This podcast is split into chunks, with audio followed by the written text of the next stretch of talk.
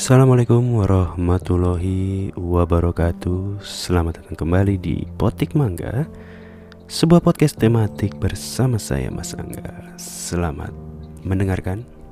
Apa kabar? Kalian semua? Semoga dalam keadaan baik. Yang lagi isolasi mandiri pada saat mendengarkan ini semoga Segera diberikan kesembuhan. Tetap semangat. Jangan dengar kata mereka yang ingin memberikan obat-obat tidak jelas Semoga cepat berlalu uh, penyakitnya. Um, ini direkam uh, pada saat ppkm darurat. Uh, semoga pada saat ini tayang keadaan sudah lebih baik. Kita sudah melewati ppkm ini. Yang jelas sekarang um, masih uh, ada hiburan olahraga yaitu Piala Eropa yang segera mau habis. Uh, NBA Finals juga sudah memasuki uh, pertandingan-pertandingan akhir. Tapi nantinya ke depannya um, gue lupa sih mulai kapan. Kayaknya di akhir Juli, Juli akhir Juli. Um, jadi setelah apa namanya final Piala Eropa, kemudian NBA Final habis, berikutnya sih buat para penggemar olahraga untuk menemani PPKM-nya, kalau memang masih PPKM darurat, itu adalah Olimpiade. Olimpiade Tokyo yang harusnya dimulai di tahun 2020 juga dimundurin setahun karena tentunya pandemi COVID-19. Um, Summer Olympic ya sekarang namanya karena memang gue lupa sejak tahun berapa itu uh, selain Summer Olympic ada Winter Olympic uh, jadi selang-seling walaupun sama-sama empat tahun sekali jadi kayak sekarang tahun 2020 itu ada Summer Olympic nanti tahun 2022 dan tahun lalu di 2018 itu ada Winter Olympic. Juga ada Paralympic sebuah uh, olimpiade untuk para atlet dengan kebutuhan khusus kurang lebihnya seperti itu. Ya walaupun suasana masih pandemi dan belakangan dengan adanya varian Delta uh, angka tingkat positif COVID juga meningkat juga di Tokyo dan masyarakatnya juga protes sih kayaknya gue sempet lihat kapan tuh sempat ada semacam protes apa demo gitu. Tapi kayaknya uh, Olimpiade Tokyo ini tetap akan diadakan. Ya semoga pada saat ini tayang jadi diadain sih. Kalau emang ini nggak jadi di nggak Olimpiadenya dimundurin ya nggak tahu deh nih tayang apa enggak Olimpiade adalah sebuah ajang olahraga terbesar di dunia 4 tahun sekali seperti gue bilang kenapa ini ajang terbesar? Karena memang ini salah satu ajang olimpiade oleh ajang olahraga tertua. Jadi konon ini dimulai sejak tahun bahkan kalau yang zaman dulunya itu bahkan dari tahun berapa? Seribu berapa? Gue nggak tahu dari zaman Yunani kuno ini awalnya tapi kalau yang modern Olimpik yang sudah dicatat itu dari tahun 1896 kalau nggak salah. Itu yang dianggap sebagai Olimpiade pertama. Jadi ini adalah sebuah puncak pencapaian dari seorang atlet.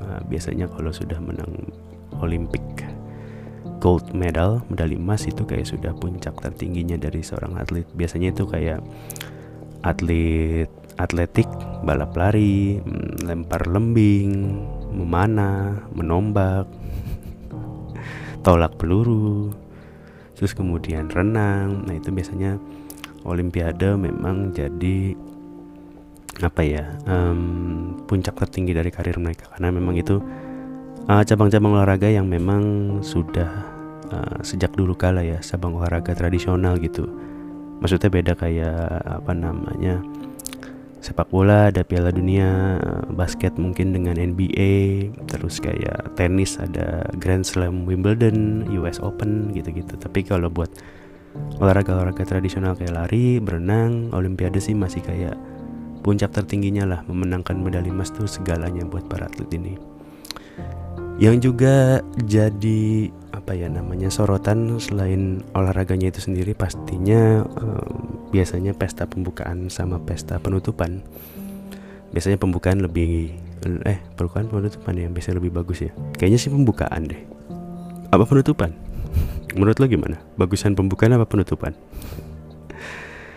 Gue ingat pertama kali lumayan gede-gedean itu kalau nggak salah di tahun 2008 di China Beijing uh, mungkin karena waktu itu mungkin apa ya secara publikasi exposure internet juga udah mulai kenceng jadi kayaknya lumayan ngetop gitu. Walaupun memang di tahun 2000 di Sydney dan 96 96 di mana ya? Amerika kalau nggak salah Atlanta. Itu juga openingnya lumayan sih tapi uh, 2008 tuh lumayan gede-gedean lah. Lumayan heboh lumayan fantastis grande. Pertama kali diomongin seluruh dunia upacaranya bagus banget sebelum akhirnya di tahun 2012 di London memang itu sebuah pembukaan yang mungkin sampai sekarang masih bakal diomongin orang banget sih. Lebih karena memang Inggris sebagai sebuah negara yang punya pop, pop culture yang bagus gitu ya pop culture yang apa sih namanya yang mendunia gitu ya. Dia memadu-madankan antara um, legendanya dengan fiksinya gitu. Misalnya kayak kita masih ingat betul gitu seorang ratu Inggris Queen Elizabeth digambarkan pada saat pembukaan itu didampingi oleh James Bond uh, Daniel Craig untuk masuk ke stadionnya gitu. Ya terlepas dari itu memang uh, stuntman ya otomatis tapi itu lumayan apa ya heboh lah menurut gua. Seorang kepala negara didampingi oleh agen rahasianya yang paling agen rahasia paling ngetop sedunia kayaknya 007 James Bond untuk membuka olimpiade keren banget sih um, itu juga yang jadi uh, referensi dan inspirasi dari Bapak Presiden Jokowi dan tim Pak Wisnu Tama untuk membuka Asian Games 2018 pada saat itu Pak Jokowi memakai uh, sepeda motor dalam aksinya menuju Senayan untuk membuka. Um, memang Olimpiade itu selain jadi ajang kekuatan para atlet juga memang jadi ajang pamer budaya dan pamer pariwisata dari kota dan negara tempat penyelenggaraan. Karena otomatis memang karena olimpiade ini diikuti oleh atlet dari seluruh dunia, otomatis cara siarannya pun dilakukan ke seluruh dunia. Di mana satu dunia ini nonton, kurang lebihnya gitu. Walaupun memang bisa di apa ya? Bisa diperdebatkan jumlah penontonnya dengan misalnya final Piala Dunia atau final apa namanya final apa sih itu di Amerika yang tetap final Super Bowl. Mungkin jumlah penontonnya masih kalah gitu cuman paling nggak jumlah yang menonton sifatnya lebih um, variatif marketnya gitu. Ya final Piala Dunia mungkin yang nonton yang suka bola doang gitu atau final Super Bowl yang nonton orang Amerika doang tapi ketika ini opening Olimpiade paling nggak seluruh dunia seluruh negara yang atletnya ikutan minimal ada yang nonton gitu. Jadi paling nggak jumlah reachnya lebih variatif dan lebih diferensial gitu. Makanya jadi ajang pamer budaya pamer pariwisata nah, bagaimana sebuah negara direpresentasikannya melalui Olimpiade itu tadi gitu. Makanya ketika ada uh, ada negara atau kota yang bidding buat apa namanya buat jadi tuan rumah otomatis investasinya pasti gila-gilaan baik dari segi sarana maupun para prasarana gitu. Dari tempat uh, tandingnya sampai hotelnya jalannya dan seterusnya gitu. Lu pasti sendiri yang mungkin waktu itu tinggal di Jakarta dan sekitarnya pasti ngerasain lah pada saat olim eh, olimpiade pada saat Asian Games 2018 bagaimana Jakarta berbenah dan bagusnya luar biasa gitu. Ya walaupun memang nah, gue lupa deh kayak 2016 tuh ada penelitian setelah Olimpiade Rio di Brazil. Itu ternyata memang secara ke depannya rugi karena memang mungkin nggak balik modal dalam segi infrastrukturnya dengan jumlah uang yang dikeluarkan ternyata mereka tidak mampu menarik devisa sebesar itu nggak balik modal lah. Jadi Olimpiade ini sebuah proyek rugi. Ya bisa dibilang sih proyek rugi sebenarnya. Secara infrastruktur pasti nggak balik modal. Tapi mungkin secara branding secara hal-hal yang sifatnya non apa ya tangible intangible gitu ya mereka mendapatkan sebuah citra positif di mata internasional gitu. Nah makanya Olimpiade ini pasti juga berlomba-lomba untuk mendatangkan uh, atlet-atlet terbaik supaya sponsornya pada masuk gitu. Maksud gue um, kalau yang walaupun memang mungkin yang datang adalah para atlet terbaik cuman kadang atlet-atlet terbaik ini belum tentu atlet yang ngetop secara penjualan. Gimana yang jelas ini ya? Um, uh, sebelum tahun 19 berapa ya? 88 apa 92 gitu ya Olimpiade itu memang diikutinya oleh para atlet amatir. Walaupun memang belakangan dikotomi amatir dan profesional jadi sebuah hal yang kontroversi juga gitu. Bahwa amatir itu terkesan melecehkan lah buat para atlet ini. Karena memang bagaimanapun juga atlet-atlet ini tetap dibayar dan tetap dapat kompensasi gitu. Tinggal siapa yang bayar doang. Karena memang dulunya semangatnya adalah semangat amatir di mana tidak boleh ada atlet profesional ikut olimpiade. Tapi kalau sekarang balik lagi ke federasinya sih. Jadi kayak basket kayak sepak bola kayak tenis itu udah boleh pemain profesional. Sementara kayak tinju masih menggunakan uh, petinju amatir. Ada sebuah cerita di tahun berapa ya? Gue lupa deh dulu banget. Ini cerita lumayan ngetop mengenai yang amatir dan profesional ini. Karena dulu ada pelari Amerika Serikat yang medali emasnya dicopot karena memang ternyata dia ngikutin sebuah uh, pertandingan semi amatir baseball dan dia dibayar untuk pertandingan itu. Jadi ibaratnya dia kayak ikut tarkam gitu cuman dibayar satu pertandingan apa untuk ikut gitu dan jumlahnya gak gede dan dia medali emasnya dicopot gitu. Ya sejak tahun 92 gue lupa deh kayak 92 pertama kali akhirnya atlet profesional boleh main gitu makanya kalau lo hubungannya sama NBA kalau lo ingat ada the dream team di mana kali pertama pemain NBA boleh main di Olimpiade itu hebohnya luar biasa uh, Michael Jordan, Charles Barkley, Magic Johnson, Larry Bird, David Robinson dan seterusnya dan seterusnya itu menghancurkan dunia basket internasional pada saat itu. Rata-rata selisih pertandingan mereka tuh sekitar 40 sampai 50 poin selisihnya sama lawannya. Gak ada lawannya lah orang-orang ini. Dan akhirnya itu yang membuat Olimpiade jadi semakin ngetop juga gitu imbasnya nggak cuma di basket tapi di olimpiade secara keseluruhan uh, kayak di sepak bola juga akhirnya walaupun sepak bola masih membatasi di U3 U23 tapi tetap mereka boleh masukin kayak tiga pemain senior. Biar ya ada ininya dikit lah ada gregetnya dikit gitu. Kalau nggak salah sih starting tahun 92 gitu mulai ada pemain profesional boleh ikutan olimpiade.